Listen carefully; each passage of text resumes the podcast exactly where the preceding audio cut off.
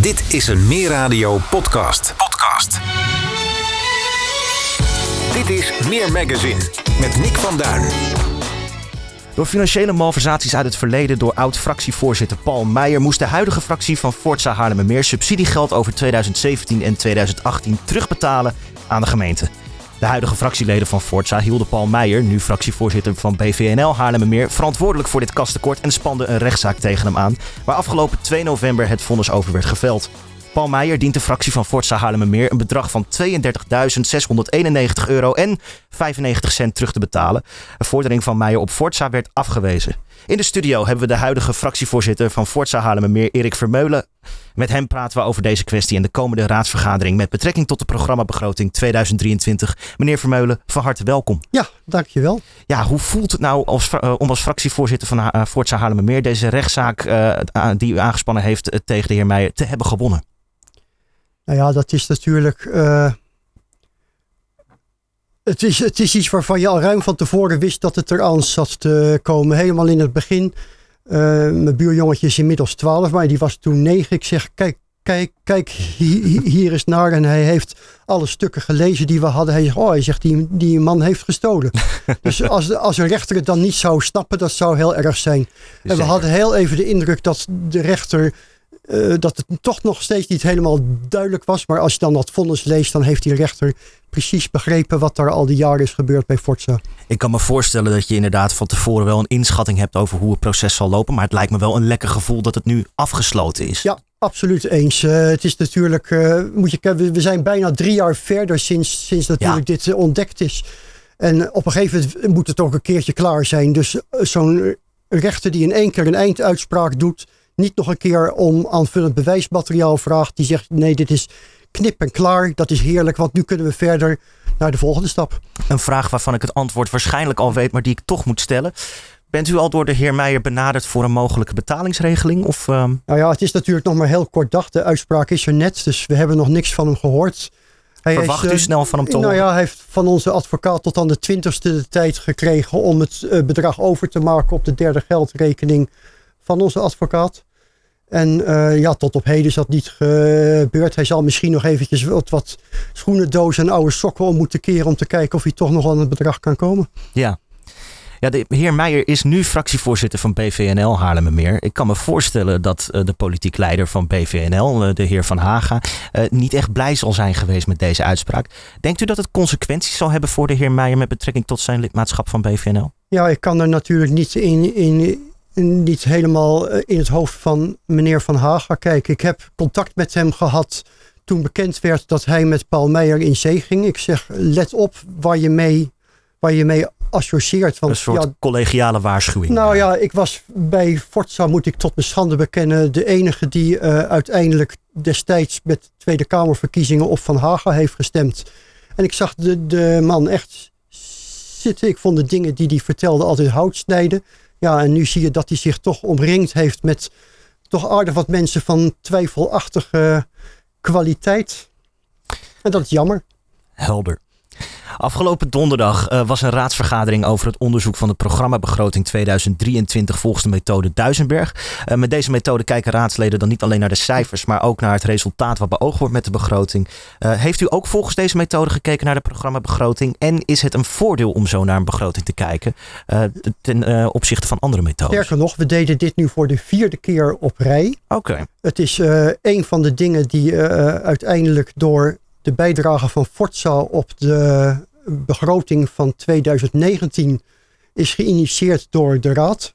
Want ik was toen volgens mij het jongetje die naar de kleren van de keizer stond te kijken. En die hardop zei dat de keizer geen kleren aan had. We hebben een begroting waar we niks mee kunnen.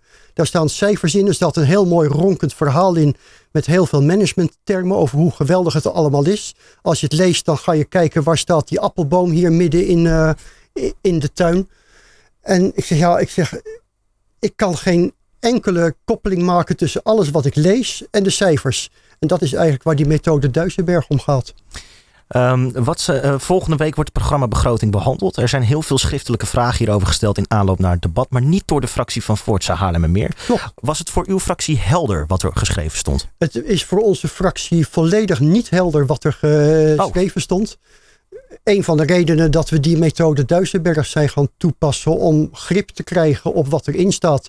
Die begroting is eigenlijk het gevolg van de algemene beschouwingen die we hebben gehad. Daar is dit de uitwerking van. Dus je kan ook eigenlijk nu niet meer aan knoppen draaien. Het enige wat je graag wil weten, dit is alleen maar een rapportage. Het enige wat je in die rapportages wil zien, is als je ergens geld voor inzet. En dat is dan de taak die je als raadslid hebt. Of dat doeltreffend en doelmatig gebeurt. Je geeft in deze gemeente ruim een half miljard van je inwoners uit. En wij zitten daar namens die inwoner. En dan wil je wel zien dat dat geld op zo'n danige manier gespendeerd wordt. Dat daar ook iets mee bereikt wordt. Ja. En om iets te bereiken heb je indicatoren nodig. Heb je, stel we nemen het onderhoud van de buitenruimte. Daar zit 24% achterstallig onderhoud in. Dan kan ik me voorstellen als je als college zegt dat gaan we inlopen. Dan wil ik gewoon terugzien dat dat percentage elke keer minder wordt. En dat je daar je inzet op doet. Maar als je zulke sturingsinstrumenten niet hebt, ja, dan kan je met zo'n begroting en met jaarcijfers helemaal niks. Het enige wat je kan zien is dat we geld uit gaan geven. En bij de jaarcijfers kan je straks zien dat het op is. Maar dat is het. Maar ik ben nu wel nieuwsgierig, want u zegt het is voor onze fractie eigenlijk totaal niet helder. Uh, en tegelijkertijd geen uh, schriftelijke vragen uh, over het debat van volgende week. Of voor het debat van volgende week. Um, waar, waar um, waarom is er dan toch geen behoefte om middels die vragen om opheldering? Uh... Omdat, omdat onze insteek is dat wij middels die methode Duisenberg, en daar zouden eigenlijk alle partijen aan mee moeten doen. U sprak net iemand van een partij, de Partij van de Arbeid, die het eigenlijk een onzinnig iets vindt, die doen er niet aan, aan mee. De bedoeling is dat de hele raad dat met z'n allen gaat doen.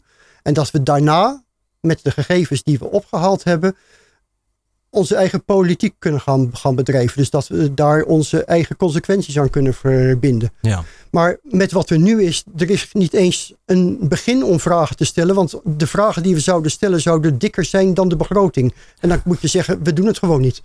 Ah, dat is, dat is een helder antwoord. Uh, wat zijn volgens u de gemiste kansen in deze begroting? Ja, u zegt net, ik, ik vind het eigenlijk een nou onhelder ja, verhaal. Ik heb bijvoorbeeld onderzoek gedaan naar uh, jeugdzorg. Zoals je weet is jeugdzorg iets waar we al enorm uh, mee uit de pas zijn gelopen vorig jaar met de kosten. En daar hebben we enorme bezuinigingen op allemaal andere terreinen moeten toepassen. De jeugdzorg is voor dit jaar, voor 2023, dus eigenlijk voor volgend jaar, opnieuw aanbesteed. Mm Daar zijn allemaal kritische prestatieindicatoren meegegeven aan de verbonden partijen. Daar is aan de verbonden partijen zijn daar handvatten meegegeven om die jeugdzorg te kunnen begrenzen. Maar ik zag ze niet in de begroting staan. Dat is een gemiste kans. Want dan had je net je verse startpunt. Van nu zijn we hier. Dit is hoe we de nieuwe aanbesteding zijn begonnen. En dan kan je als raadslid het hele verhaal volgen. Ja. En is niet net zoals vorig jaar dat je opeens overvallen wordt met enorme kostenoverschrijdingen. Maar dan kan je gewoon volgen. En dan kan je aanzien komen dat er dingen niet goed gaan. Of dat je er meer geld aan kwijt gaat zijn. Helder. Hoe kunt en gaat u nu nog bijsturen uh, op uh, de voorstellen van het college? Nou ja, dat hadden we al kunnen doen natuurlijk met de algemene beschouwingen. Wat ja. je nu hebt is een rapportage aan de hand van de algemene beschouwingen. En heel veel uh, raadsleden begrijpen dat niet. En die zullen donderdag weer met allemaal voorstellen komen. Maar dat hadden ze moeten doen de vorige keer. Ja. Dit is alleen maar zoals we het gaan doen. Helder. Um, wie zijn de partijen in de raad waar u een goed tegengeluid kan laten horen tegen de voorgenomen plannen van het college? Merkt u dat er uh, uh, partijen in de raad zijn die, die uh, opener staan voor uw kritiek, kritiek, dan anderen? Ik merk dat er altijd naar ons wordt geluisterd. Oké. Okay. Dat is gewoon helder. Wat ik wel merk is dat wij zijn niet aan het voorsorteren om in een volgend college te komen. Dus dat betekent dat wij blijven kritisch. En als je ons dan te kritisch vindt en je passeert ons weer bij een collegevorming, ja, dan is dat maar zo. Maar iemand moet gewoon er zijn voor de inwoners, de juiste kritiek kunnen leveren. En als dat dan niet bij iedereen in het goede pulletje valt, dan is dat jammer. Maar als we iets zeggen, snijdt het altijd hout. Oké. Tot slot, als luisteraars vragen hebben aan u over bijvoorbeeld de programmabegroting 2023 of over uw partij, waar kunnen zij dan het beste terecht? Ja, ze kunnen het beste terecht op onze website www.forzahaarlemmermeer.nu. En daar staan alle contactgegevens van al onze raadsleden op. Ze kunnen iedereen bellen als ze iets willen weten. Ieder raadslid is telefonisch bereikbaar en onze e-mailadressen staan erop. Super. Meneer Vermeulen, fractievoorzitter Haarlemmermeer, eh, van Forza Haarlemmermeer, mag ik u hartelijk danken voor dit gesprek en een bijzonder fijne zondag. Dank u wel.